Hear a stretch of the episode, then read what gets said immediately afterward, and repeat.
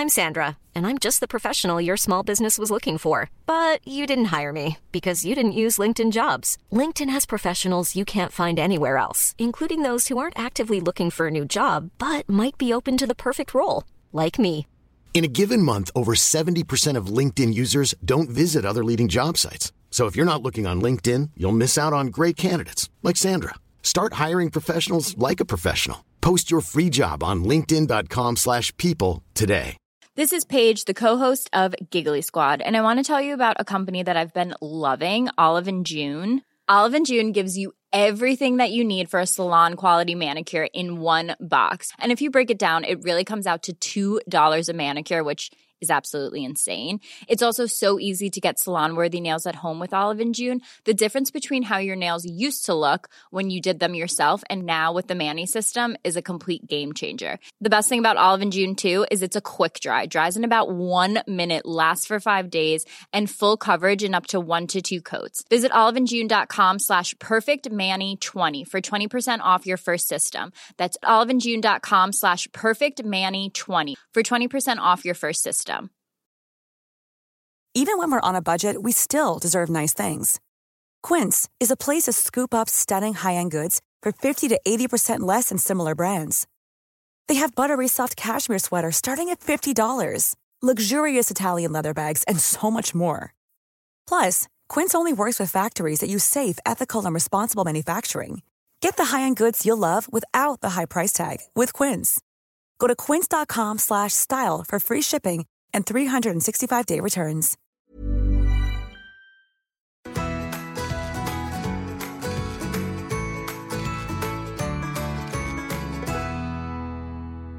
Hei alle sammen, og velkommen til denne spesialepisoden av Åpen journal. Vi har jo i denne episoden tenkt å ta for oss koronaviruset i en litt mer seriøs tone enn det vi gjorde i vår forrige koronavirusepisode. Ja, og det handler også om at eh, da vi lagde forrige episode, så, um, så var eh, tilstanden en helt annen, og det vet vi alle, at dette endrer seg fra dag til dag. I dag så lever vi i en helt spesiell tid, en tid hvor koronaviruset har snudd helt opp ned på hverdagen vår. Og Derfor blir dette, dette også en litt annerledes episode. Fordi mange av oss er bekymret og redde, ikke bare for hvordan situasjonen er akkurat nå, men også for langtidseffektene. Og i dag så sitter du og jeg hjemme og lager podkast, Aran. Ja, Vi tar alle nødvendige forhåndsregler og håper at du som hører på, også gjør det samme. Ja. Og mange har jo i likhet med oss eh, sikkert et veldig stort behov for informasjon. Og i dag så skal denne episoden kun handle om koronaviruset. Vi har fått inn spørsmål fra lyttere, og du Harald, skal prøve å svare så godt du kan. Absolutt. Det blir en eh, litt mer seriøs tone. Dessverre ingen gjest, men forhåpentligvis så skal dere få mye nytte ut av denne episoden. Men før vi setter i gang med, med den mer faktabaserte delen, eh, hvordan har du det om dagen? Nei, jeg sitter jo da hjemme mye av dagen med min kjære kone. Kunne det vært bedre? Ironien til side? Eh, vi holder litt ironi for å bevare Ja. god stemning her i huset. Det er vi avhengig av. Ja, og det er viktig i en tid eh, som dette, men, eh, men eh, som du nevnte innledningsvis, vi lagde jo en episode om korona eh, hvor verken du eller jeg egentlig var så veldig bekymret. Dette er jo flere uker siden. Dette har jo endret seg betydelig. Ja, og man kunne allerede da ane følgene dette viruset ville ha, men eh, at det skulle ha så stor påvirkning, det visste vi ikke. Vi håper at ingen føler at vi drev gjøn med verken viruset eller de som har lidd av det. Eh, Og dette er vår måte å prøve å gjenoppbygge litt eh, medisinsk tillit til dere som hører på oss.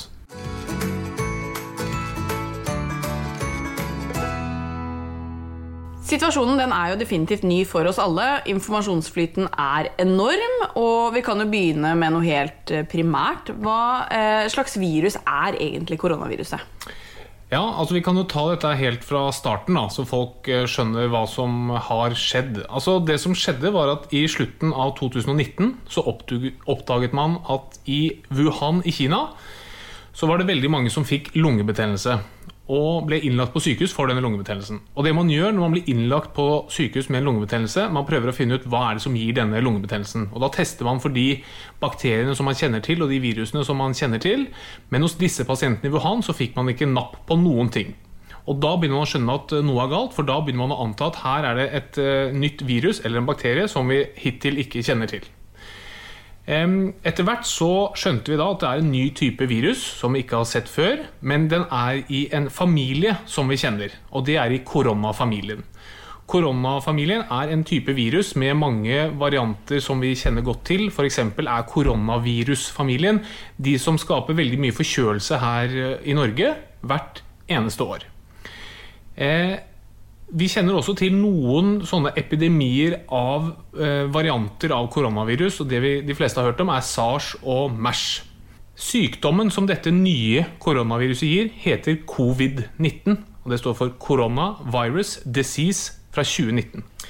Det som er litt vanskelig, og som jeg tror mange syns er, er lite tilfredsstillende, det er det at vi vet ganske mye om koronavirusfamilien, men vi vet veldig lite om dette nye koronaviruset. Fordi dette viruset det er jo bare noen måneder gammelt. Derfor så er veldig mye av informasjonen der ute, og for så vidt også i denne podkasten, relativt omtrentlig. Og når vi snakker om smitte og dødsrate osv., så, videre, så er dette basert på statistikk. Og statistikk er eh, en sannsynlighetsberegning, og man klarer veldig sjelden å få et konkret svar som jeg vet mange gjerne vil ha. Når det er sagt, så skal vi prøve å gi så konkrete svar som mulig her i denne podkasten. Jeg syns at måten dette har blitt håndtert på av myndighetene, har vært meget god. Det som jeg tror mange har savnet, også helsepersonell, og for så vidt meg selv inkludert, det er det at noen tør å ta et, eh, å gi et klart svar. Noen tør å ta den usikkerheten på sine egne skuldre og si at gjør sånn eller gjør sånn. Det kunne man kanskje i større grad gjort, og vi skal prøve å bidra til det litt i denne podkasten her. Det vi nå vet om dette nye koronaviruset, det er det at det har fått en veldig skummel kombinasjon av høy smittsomhet og høy dødelighet. Sesonginfluensa, som vi har her hvert år, det fører til én til to nye smittede per person som får influensa. Dette nye koronaviruset ser ut til å gi mellom to og fire nye smittede per person som blir smittet. Det er altså sånn sett ca. dobbelt så smittsomt som det influensavirus er. Det er altså meget smittsomt. I tillegg så ser det ut at dødeligheten med dette nye koronaviruset er ca. ti ganger så høy som for influensaviruset. Det, det, som er litt vanskelig med dødeligheten, og som gjør at vi ikke kan gi noe konkret svar på hvor dødelig det er, og også grunnen til at det varierer litt fra land til land, er det at måten man regner ut dødelighet på, er at man tar antall døde delt på antall registrert smittede. Vi antar at alle som dør av koronavirus, det vet vi ganske sikkert. Sånn at det tallet på antall døde, det er ganske sikkert. Det som er usikkert, det er det tallet du skal dele dette på. Hvor mange er det som er smittet? Hvis vi tenker oss at du har ti døde, og så har du 100 registrert smittede, da får du 10 delt på 100 er 10 altså 10% Men hvis det i realiteten er 1000 smittede, vi har bare ikke rukket å teste mange nok, så får du en dødelighet som er bare en tiendedel av det, altså 1% Når det er sagt, så begynner vi å få et bilde av at dødeligheten her er på et sted mellom 1 og 4% En annen viktig ting som gjør at dette koronaviruset er skummelt, det er det at vi har ingen immunitet mot dette koronaviruset i befolkningen fra før av, tror vi. Influensaviruset det endrer seg litt hvert år. Det er derfor man må ta ny influensavaksine hvert år. Men store deler av viruset er, har i hvert fall likheter som gjør at du er litt beskyttet. Hvis du har vaksinen, tatt vaksinen året før, så er du sannsynligvis litt beskyttet. Og vi ser at Eldre som har hatt influensa mange ganger, er sannsynligvis litt bedre beskyttet enn de som aldri har hatt influensa før. Det er fordi disse virusene har ulike fellestrekk som kroppen kjenner igjen. Så kommer viruset inn i kroppen og sier aha, jeg har sett eh, fetteren din før. Nå iverksetter vi immunforsvaret. Dette viruset det angriper luftveiene, og det reproduserer seg i luftveiene. Når en person hoster, nyser eller snyter seg, så sender man viruspartikler ut i luften i små dråper. Derfor så kalles denne smittemåten dråpesmitte. Disse dråpene kan man igjen føre på håndtak, bilratt, øh, varer osv. Og, så og så kan nestemann ta på disse og føre til ansiktet, og sånn sett kan smitten overføres. Vi tenker at disse dråpene faller til jorden ganske fort, typisk etter ca. 1 meter. Derfor så opererer vi med 1 meter som denne sikkerhetsavstanden. Men det som er viktig å si er at når man hoster og nyser uten å dekke til munn og ansikt, så kan disse dråpene slynges sikkert ti ganger så langt. Ting som spres i luften, det kalles luftsmitte, og det er langt mer smittsomt og krever helt andre smitteverntiltak. Men det er ikke alltid helt enkelt å sette en veldig klar linje mellom dråpesmitte og luftsmitte. Så selv om koronavirus har nå en antatt dråpesmitte, så kan det smittes i luften. Eh, I hvert fall over kortere avstander og lengre avstander dersom vi ikke dekker til luftveiene når vi hoster og nyser og slenger disse partiklene ut. Men det er først når vi får symptomer, tror vi, at det er mye virus i kroppen som du kan slenge ut fra luftveiene. Det er derfor vi sier at du er i hvert fall mest smittsom når du er syk. Det er derfor vi tør å la folk være rundt hverandre når de ikke har symptomer. Når du får viruset i deg, så går det en tid fram til du blir syk. Det kalles inkubasjonstiden. Og På den tiden så tenker man seg at viruset bruker eh, tiden på å reprodusere seg og bli flere og flere og flere. Det vi vet fra andre virustyper, er det at du er ganske smittsom også i det siste døgnet før sykdommen bryter ut hos deg selv. Da har du også masse virus i kroppen, men det er akkurat ikke nok til at du blir syk, for å si det enkelt. Da kan man også gå rundt og hoste og nyse uten å føle seg syk, og påføre smitte på andre. Det er derfor man har så strenge krav til eh, karantene og isolasjon, og at disse kravene egentlig, i hvert fall fram til nå, bare blir strengere og strengere. Måten vi tester for dette viruset på, er at man tar prøver fra luftveiene for å se om man finner virus der. Hvis man nylig er smittet, altså nylig har fått viruset inn i kroppen, men man er i inkubasjonsperioden, altså man har ikke utviklet sykdom, så er det ganske få virus i kroppen. Da er det ganske høy sannsynlighet for at den prøven man tar, faktisk er negativ. Derfor kan man ikke stole på et negativt prøvesvar når man ikke har symptomer. Det er en av de viktige grunnene til at vi ikke tester alle, fordi man kan få en falsk trygghet ved å stole på at man Eh, ikke slår ut på denne prøven. Så, som vi har snakket om Hvis vi ikke innfører noen tiltak, så vil sannsynligvis hvert nytt individ som har covid-19 eller er smittet med koronavirus, smitte to til fire andre. Dette her det vil først dø ut når hvert nye sykdomstilfelle kun smitter under én. Da vil det bli færre og færre og færre som smittes, helt til denne pandemien brenner ut. For å få til dette så er man da nødt til at alle følger myndighetenes råd, som oppdateres fortløpende. Fordi dette her vet de mye bedre enn oss, og de vet hva de skal gjøre. Og vi må tørre å stole på at myndighetene vet dette godt nok til at de tar alle nødvendige tiltak i bruk. Det var veldig mange som syns at myndighetene var for treige og for milde i sine tiltak, men husk at sånn som det ser ut akkurat nå, så er jo mottiltakene har hatt mye større konsekvenser for veldig mange enn det viruset i seg selv har hatt. Stengte skoler, stengte offentlige tjenester fra politiet osv. har enorme samfunnsmessige konsekvenser. Så vi må skjønne og respektere at å trekke i nødbremsen, iverksette slike tiltak, har enorme konsekvenser. Yes, det var min uh, lille oppdatering. Det var en veldig fin oppdatering. Da føler jeg at um, det var fint å få en uh, opprydning i ting, og også få en liten introduksjon til egentlig hvordan dette startet. Fordi uh, dette har jo spredd seg i rekordfart. Jeg trodde jo også at Wuhan var en liten by. det har jeg skjønt at det ikke er. Det er helt riktig. Ja. Jeg kan også legge til dette med hvor syk man blir. Fordi det ser ut som ca. 80% av de som blir smittet med dette, her får et veldig mildt forløp. Altså typisk som forkjølelse og influensa. Men de aller fleste av disse her har feber. Ca. 20% av de som blir smittet, trenger legehjelp. Og det er et ganske høyt tall. Fordi disse 20% altså én av fem som blir smittet, trenger legehjelp. De trenger det ofte på sykehus. For det de trenger, er tiltak som f.eks. Oksygenbehandling, oksygenbehandling, som vi jo gir på sykehus. Ca. 5 altså 1 av 20 som blir smittet, trenger pustehjelp. Altså i form av respirator. Og Det er et veldig høyt tall at 1 av 20 trenger me mekanisk ventilasjon. Altså det vi ofte nå populært kaller respirator. Fordi det er ikke så mange som skal smittet, bli smittet før kapasiteten vi har til å behandle respiratorpasienter i Norge, blir sprengt.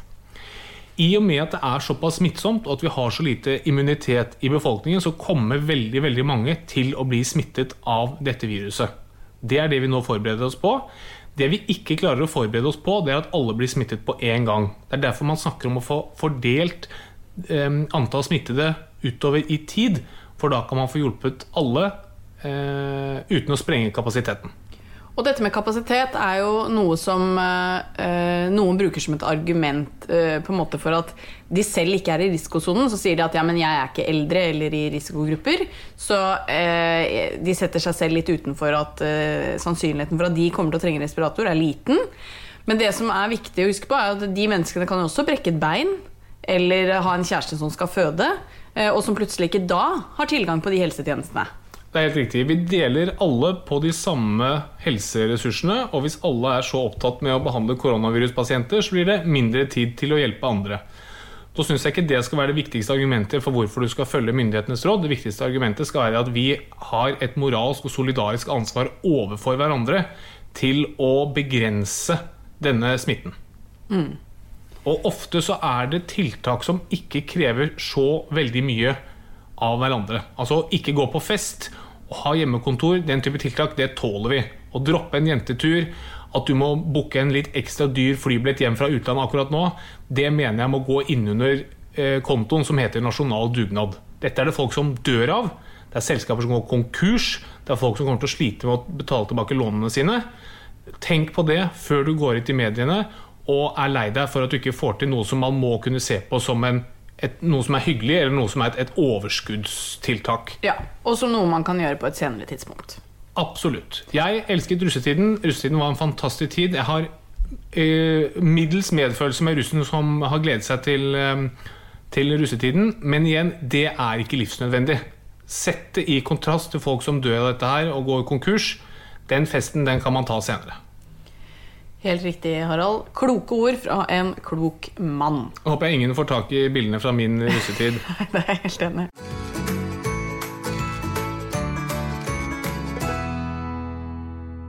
Men vi har fått inn en del spørsmål som jeg tenker at du kan svare på. Er, eh, mange av de er nok linket opp til mye av det du har pratet om, men, men som jeg tenker det er fint å få klarhet i.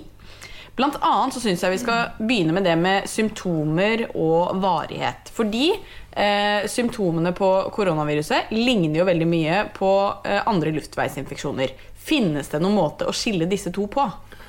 Jeg ser at det er flere medier nå som tilbyr sånne sjekker for å se hva som eh, øker sannsynligheten for koronavirus eh, i forhold til forkjølelse og influensa. Jeg personlig har ikke noe tro på det, fordi det står ofte at Sår hals det har du sjelden med ditt, men ofte med datt. Det spiller ingen rolle for deg hvis du har sår hals. Du, du kommer ikke noe nærmere. Si at du klarer å bruke en uh, slik artikkel til å finne ut at det er 60% sannsynlig at du har koronavirus. Hva skal du gjøre med den informasjonen?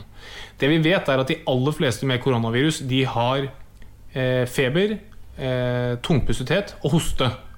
Men, men, det er også det vi vet. Mm. Men det er jo også veldig eh, forvirrende, for nå eh, skal det legges til at eh, disse retningslinjene oppdateres hele tiden. På nåværende tidspunkt så sier vel retningslinjene at dersom du blir forkjølet, så skal du holde deg hjemme til og med en dag etter at du blir frisk. Så du blir frisk, og så en dag etter det igjen så må du være hjemme, og så kan du gå på jobb. Ja. Men hvis du blir smittet med koronavirus, får påvist smitte, da skal du holde deg hjemme en uke etter at du er frisk, og du skal få en eh, grønt lys fra en lege før du får lov til å omgås andre igjen. Og dette er jo forvirrende, fordi eh, veldig få kan jo egentlig teste seg for eh, koronavirus. Ja, så det er det man har sagt nå, at nå eh, reduserer vi testingen til å kun teste, i hvert fall per nå, de som er i helsevesenet og de som er i risikosonen. Og så sier vi til alle andre hvis du har luftveissymptomer, ja, det kan være koronavirus eller det kan være andre ting, du skal holde deg hjemme.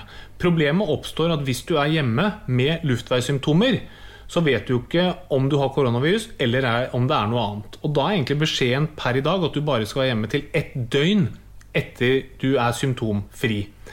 Det er veldig vanskelig å forholde seg til, og jeg klarer ikke å komme med noe konkret råd her og nå, annet enn det jeg ville gjort, er at jeg ville kontaktet en lege, og så ville jeg sagt du, lege, skal gi meg en instruks. Er det ett døgn eller syv døgn jeg nå skal vente fra jeg har blitt frisk til jeg skal komme tilbake på jobb? Dette er sannsynlighetsberegning. Det er så mange faktorer som spiller inn på hvor forsiktig du skal være. Hvor viktig er det at du kommer tilbake på jobb? Hvor syk har du vært? Hvor sannsynlig er det at du har hatt koronavirus?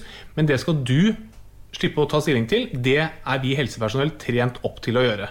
Den beslutningsvegringen den må vi prøve å få litt slutt på. Jeg ville kontaktet en lege, eh, om det er fastlegen eller legevakten, og så har jeg sagt du er den som har best forutsetninger til å fortelle meg hva jeg skal gjøre. Jeg legger ikke på før jeg har fått et konkret svar på hva jeg skal gjøre. Mm. Nå har jo helsemyndighetene gått ut og oppfordret folk til å ikke ringe ned fast Quality sleep is essential. That's why the Sleep Number Smart Bed is designed for your ever evolving sleep needs. Need a bed that's firmer or softer on either side? Helps you sleep at a comfortable temperature? Sleep Number Smart Beds let you individualize your comfort so you sleep better together. JD Power ranks Sleep Number number 1 in customer satisfaction with mattresses purchased in-store. And now, save 50% on the Sleep Number limited edition Smart Bed for a limited time. For JD Power 2023 award information, visit jdpower.com/awards. Only at a Sleep Number store or sleepnumber.com. I'm Sandra, and I'm just the professional your small business was looking for. But you didn't hire me because you didn't use LinkedIn Jobs. LinkedIn has professionals you can't find anywhere else, including those who aren't actively looking for a new job but might be open to the perfect role, like me. In a given month, over 70% of LinkedIn users don't visit other leading job sites. So if you're not looking on LinkedIn, you'll miss out on great candidates like Sandra. Start hiring professionals like a professional. Post your free job on linkedin.com/people today. One size fits all seemed like a good idea for clothes Nice dress. Uh, it's a it's a t-shirt. until you tried it on. Same goes for your healthcare. That's why United Healthcare offers a variety of flexible, budget friendly coverage for medical, vision, dental, and more. So, whether you're between jobs, coming off a parent's plan, or even missed open enrollment, you can find the plan that fits you best. Find out more about United Healthcare coverage at uh1.com. That's uh1.com. fastlegen, så hvem skal man egentlig ringe, da? Nei, man, eh, det er helt riktig. Vi, vi er nødt til å gjøre det vi kan for å begrense all mulig unødvendig belastning på helsevesenet. Igjen, det finnes så mye god, oppdatert informasjon gratis på nett at der finner man faktisk stort sett den informasjonen man trenger. Også vi i helsevesenet bruker den nettsiden for å finne svar til pasienter som kontakter oss. Så ta og les deg opp på Folkehelseinstituttets nettsider. Se om du finner informasjonen der. Hvis ikke, og du er nødt til å komme i kontakt med lege, da tenker jeg at det er greit at du kontakter fastlege eller legevakt. Og her er det jo viktig da å kanskje presisere at de som nå er redde, forståelig nok redde, men ikke syke, må ikke ringe legen. Det er helt riktig. Her må man innse litt sin egen begrensning. Ring heller en venn eller noen andre som kan komme med noen beroligende ord, for du får sannsynligvis bare en litt tøff tilbakemelding eh, på telefon om at hvis ikke du er sjuk, så skal du ikke ringe. Det er også en som lurer på hva som egentlig skal til for å erklæres frisk av korona. Er det én til to uker uten symptomer? Er det at du tar en test som sier at nå har du ikke viruset lenger? Eller hva er det som gjelder? Det er først og fremst eh, at du er helt, i helt fin form. Og så må det gå en viss tid fra du ikke har hatt noen symptomer, til at vi sier at du sannsynligvis ikke er smitteførende. Det kom noen nye tall fra Kina for, litt, for eh, er det en ukes tid siden, som viste det at noen kunne skille ut virus i over en måned etter at de fikk eh, påvist eh, sykdommen.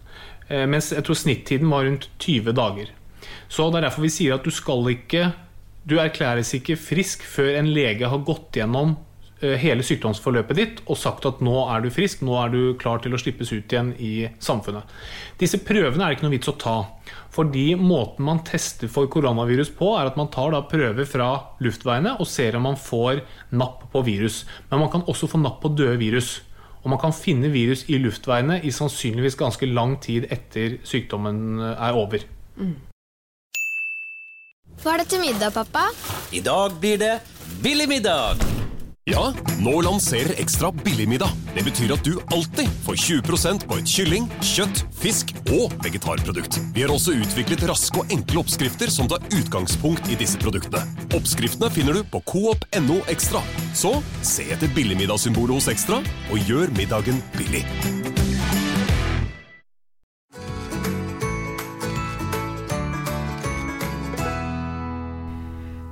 Er kommet inn en del spørsmål om eh, smitte. Her er det en som jobber i barnehage, og de skal jo da nå ha stengt i minst to uker pga. koronaviruset. De siste dagene har vi spritet og vasket møbler og leker. Men mitt spørsmål er som følger er det egentlig nødvendig, for hvor lenge overlever virusbakterier på ting før det dør? Det vi antar, er det at dette nye koronaviruset overlever i mellom noen timer til flere dager på overflater. Eh, vi tror ikke det overlever så mye som to uker. Når det er sagt, så er kostnaden ved å gå over og vaske overflater og møbler såpass liten at jeg vil anbefale at man gjør det for å være på den sikre siden. Eneste måten vi får slutt på, disse, på denne pandemien på, er at vi er på den sikre siden hele veien. Og så nevnte du at um, koronaviruset smitter via dråpesmitte. Og da er det en som stiller et uh, relativt smart spørsmål her, syns jeg. Smitter det da også via svette? Nei, vi tror ikke at koronavirus smitter via svette. Men uh, en av grunnene til at vi har stengt treningssenteret, er at der puster og peser man mye. Så det er lett for at man slenger ut viruspartikler fra luftveiene på andre apparater som folk går og tar på, og så fører hendene opp til ansiktet og overfører smitten. Det er også noen som mener at de har veldig godt immunforsvar, og eh, bl.a. har vært gjennom kyssesyken uten å vite det, og lurer da på om man kan ha virussykdommen uten å bli syk, og dermed kan du smitte andre. Ja, det er det mulig å ha. Man kan gå gjennom et subklinisk forløp, altså at man har sykdommen uten å egentlig ha symptomer overhodet. Når vi snakker om disse 80% som har et mildt forløp, det er med symptomer. De som ikke har symptomer, det er under 5% men det er absolutt mulig. Det er derfor det kan være greit å bare gå ut fra at du er syk og kan smitte andre, og gå ut fra at alle andre enn de som du bor sammen med, også kan være syke og kan smitte deg. Hva tenker du om å vaske matvarer og klær og det som er? Kan det smitte via det? Ja, dette viruset kan leve på overflater som emballasje, Sannsynligvis klær, sannsynligvis mat. Eh, når det er sagt, så har vi ikke sett noen som er blitt smittet via å ha spist mat eller drukket vann med smitte, men du kan ta på mat som har smittepartikler på seg, og så føre det til eh, egne luftveier med hendene. Men apropos de du bor med, da. Det er jo noen som også stiller spørsmål eh, rundt det, hvordan man skal oppføre seg rundt f.eks. kjærester eller barn. Um, og det er noe du og jeg også har tenkt på de siste dagene. Har du noen råd der? Ja, her må man jo være litt pragmatisk, fordi det er veldig forskjellig hvordan folk eh, bor, og hvilke muligheter de har til å holde seg unna andre. Det jeg vil anbefale, er at man gjør så langt det er mulig, prøver å unngå nærkontakt også med de man bor med, for å være på den sikre siden. Det betyr kan man sove på et eget rom, så ville jeg gjort det.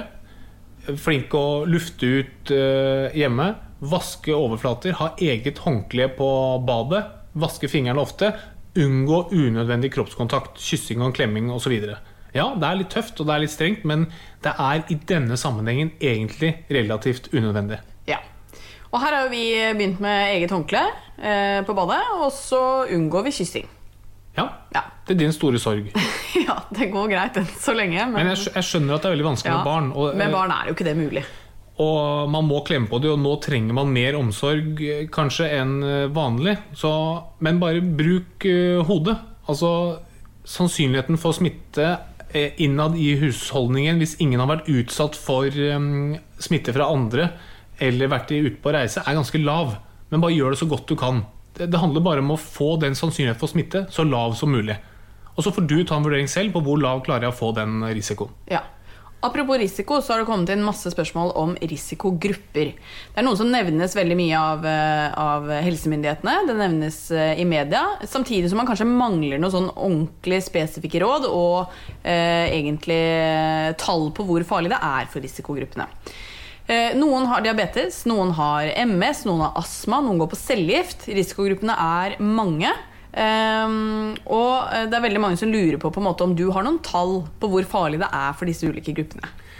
Nei, der har ikke jeg noe mer tall enn det som ligger uh, ute tilgjengelig på nett. Det vi ser, som alle nå vet, er det at risikoen for alvorlig sykdom og død øker med økende alder. Og den øker også med alvorlighetsgraden av underliggende sykdom. Er du helt frisk og ung, så er sjansen for alvorlig sykdom mye mindre enn hvis du er gammel, og den er også mye mindre enn hvis du er ung og har f.eks. astma eller diabetes eller andre sykdommer.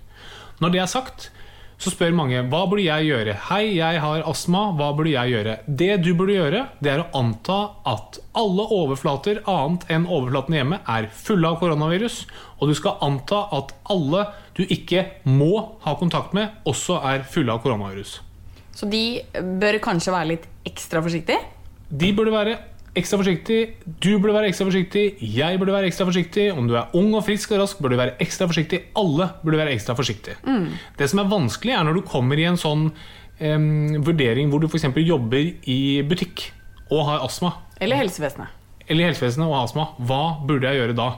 Det- er vanskelig. Og det er, det er veldig lett for meg også å sitte og være tydelig og klar på noen ting, men, men det er i disse situasjonene som jo folk står i, som er, som, hvor du får en veldig vanskelig avveining. Da.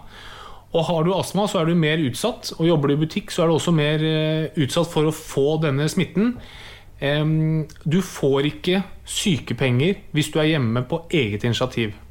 Der vil jeg kanskje igjen anbefale at man tar en prat enten med arbeidsgiver eller med legen sin, og kommer fram til noe lurt der. I en del sånne situasjoner så må man bare vurdere det i, fra tilfelle til tilfelle. Men jeg skjønner at det er kjempevanskelig. Og jeg skjønner at det er veldig mange som står i en litt sånn moralsk skvis mellom å skulle beskytte seg selv eller kanskje noen de bor med, eh, mot å være på jobb og bidra til å opprettholde at samfunnet får fortsette å fungere.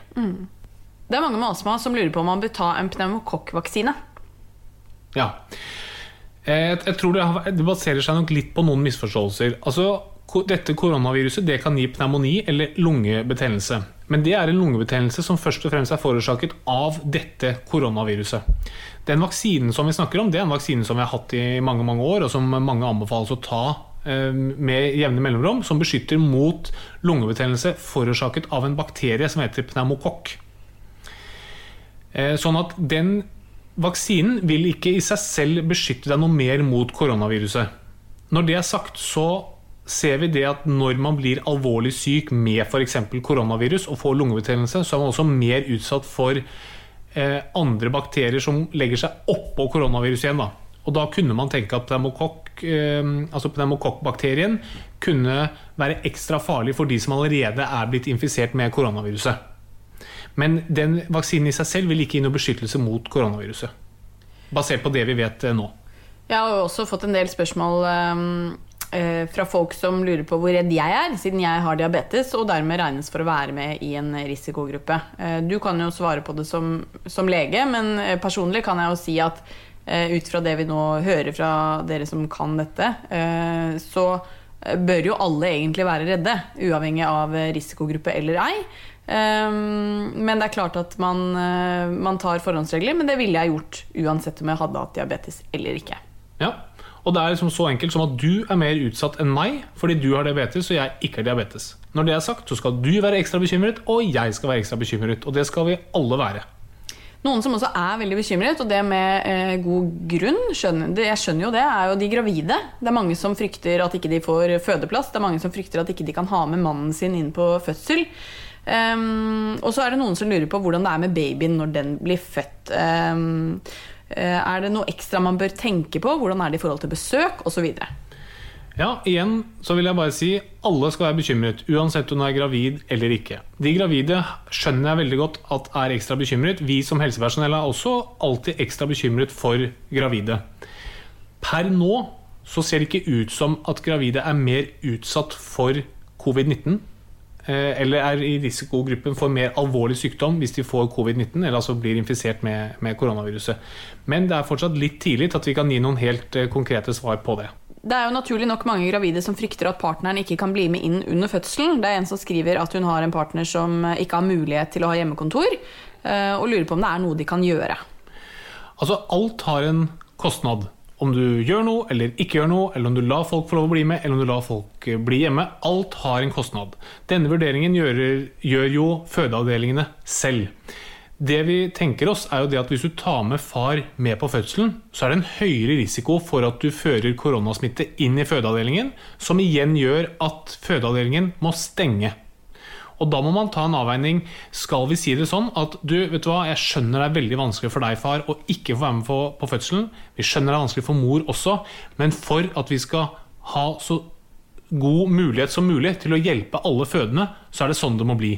Det er en beslutning som eh, jeg ville respektert. Det er lett for meg å si, som ikke nå skal være med på en fødsel i de aller nærmeste månedene. Men eh, jeg, jeg tror det er sånn vi må se på det. Og igjen, vi må ta det på den kontoen som heter felles dugnad for å få stoppet dette forferdelige viruset. Mm.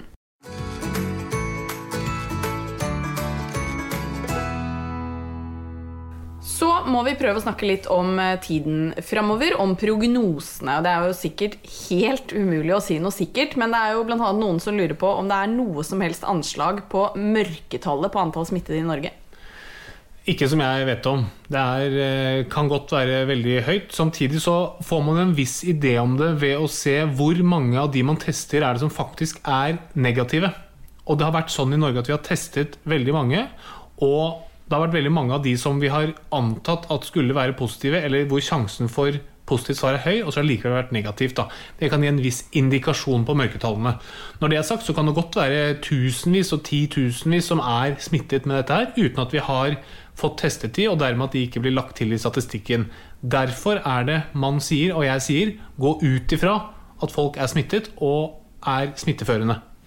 For de som da har hatt korona, så er det noen som lurer på om eh, man vet om det er noen bivirkninger eller ettervirkninger i etterkant av sykdommen. Det vet vi ikke om det er, men vi vet fra andre lignende koronavirus at det ikke er noen ettervirkninger eller senfølger av de.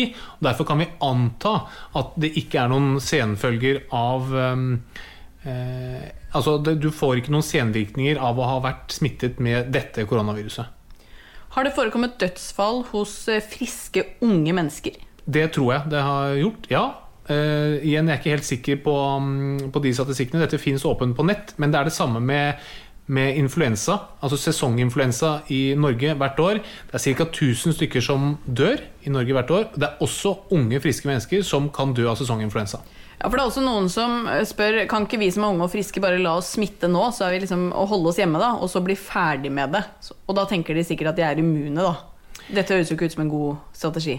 Nei, samtidig er nok det en viktig årsak til at eh, denne pandemien stopper opp. Det er det at du oppnår en viss immunitet i befolkningen av folk som har hatt mild forbigående sykdom. Sånn at selv om eh, det ikke er noe jeg anbefaler at man gjør på eget initiativ, så er det, det er ikke en helt uh, tullete måte å tenke på det på. Og husk på, når vi vaksinerer, så er det egentlig det vi gjør. Uh, vi tar jo deler av viruset og sprøyter det rett inn i kroppen, sånn at kroppen uten at den blir syk av det, bare blir utsatt for viruset, så man kan bygge opp et immunforsvar mot det. Så det han snakker om, er egentlig en sånn fattigmanns uh. Problemet er bare at vi vet jo ikke hvordan man skal utsette seg for akkurat nok smitte til å bli bare litt syk. Det kan jo også være at man blir alvorlig syk, eller at man smitter noen på sin vei som man ikke har tenkt på. Hvorfor er det så vanskelig å lage en vaksine? Å lage en vaksine er ikke nødvendigvis så veldig vanskelig. Det som er vanskelig, er å få testet den nok og lenge nok til at man ser at den både er effektiv og trygg. Og den prosessen tar vanligvis flere år. Så kan man jo si hva er det man kan kutte ut i den prosessen for å få det til å gå raskere. Og det er nok en del ting. Men man snakker jo om at man tidligst kan få en, nei, unnskyld, en vaksine mot dette koronaviruset om et år. Mm. Men blir man immun da, hvis man har hatt uh, infeksjonen? Det vet vi heller ikke. Men vi antar at du blir i hvert fall uh, immun i en periode. Og det er en viktig måte å få stoppet denne pandemien på. At såpass mange oppnår en immunitet at smitten ikke får lov til å spre seg. Vi står jo overfor en uh, veldig um, krevende tid. Det er en alvorlig situasjon. Um, har du noen liksom avsluttende, kanskje oppløftende ord før vi kutter av denne episoden? Dette kommer til å gå bra. Dette får vi til. Dette er en, eh, en dugnad som vi alle er med på. Der er vi veldig gode. Bare følg de rådene vi har kommet med her, og enda bedre følg de rådene som myndighetene har. Det vi gjør her i huset, er at vi har eh, kommet med vitser basert på dyr i skogen. Så man hele tiden har nye vitser å le av. Da vil jeg gjerne slippe min kone til, som har en fantastisk god vits om dyn i skogen. Oh ja, dette var veldig uforberedt. Men ja, vi har jo en, eh, en pågående konkurranse om å komme med den beste. Jeg syns min er best så langt. Spent. Um, hvilket dyr i skogen er eh, best på å betale regninger? Vet ikke. Girofiraff. Girofraff, ja. Ja, Girofraff kunne også vært. Ja, ja. Den satt ikke helt på første, men på første. mulig neste gang. Men det er en mulig tidsfordriv. Å ta vare på hverandre. Og dette er egentlig en fin tid til å si en ekstra hyggelig ting til de man eh, er ekstra glad i. Mhm. Lite stalltips der. Ja, eh, og så må vi bare si at vi syns det er veldig hyggelig at dere hører på eh, podkasten vår. Koronaviruset blir en eh, naturlig del av podkasten fremover, ettersom at dette er en helsepodkast. Men eh, vi skal prøve å balansere det. Vi skal prøve å svare på det dere lurer på. Eh, fortsett å komme med innspill til både temaer og spørsmål i min DM på Instagram. Og så håper vi at dere alle har det bra og tar vare på hverandre. Og så sender vi en god tanke til alle som hører på. Glad i dere. Ha det! Ha det. Plan B. Planning for your next trip? Elevate your travel style with Quince. Quince has all the jet setting essentials you'll want for your next getaway, like European linen, premium luggage options, buttery soft Italian leather bags, and so much more. And is all priced at 50 to 80% less than similar brands. Plus, Quince only works with factories that use safe and ethical manufacturing practices. Pack your bags with high-quality essentials you'll be wearing for vacations to come with Quince. Go to quince.com slash pack for free shipping and 365-day returns.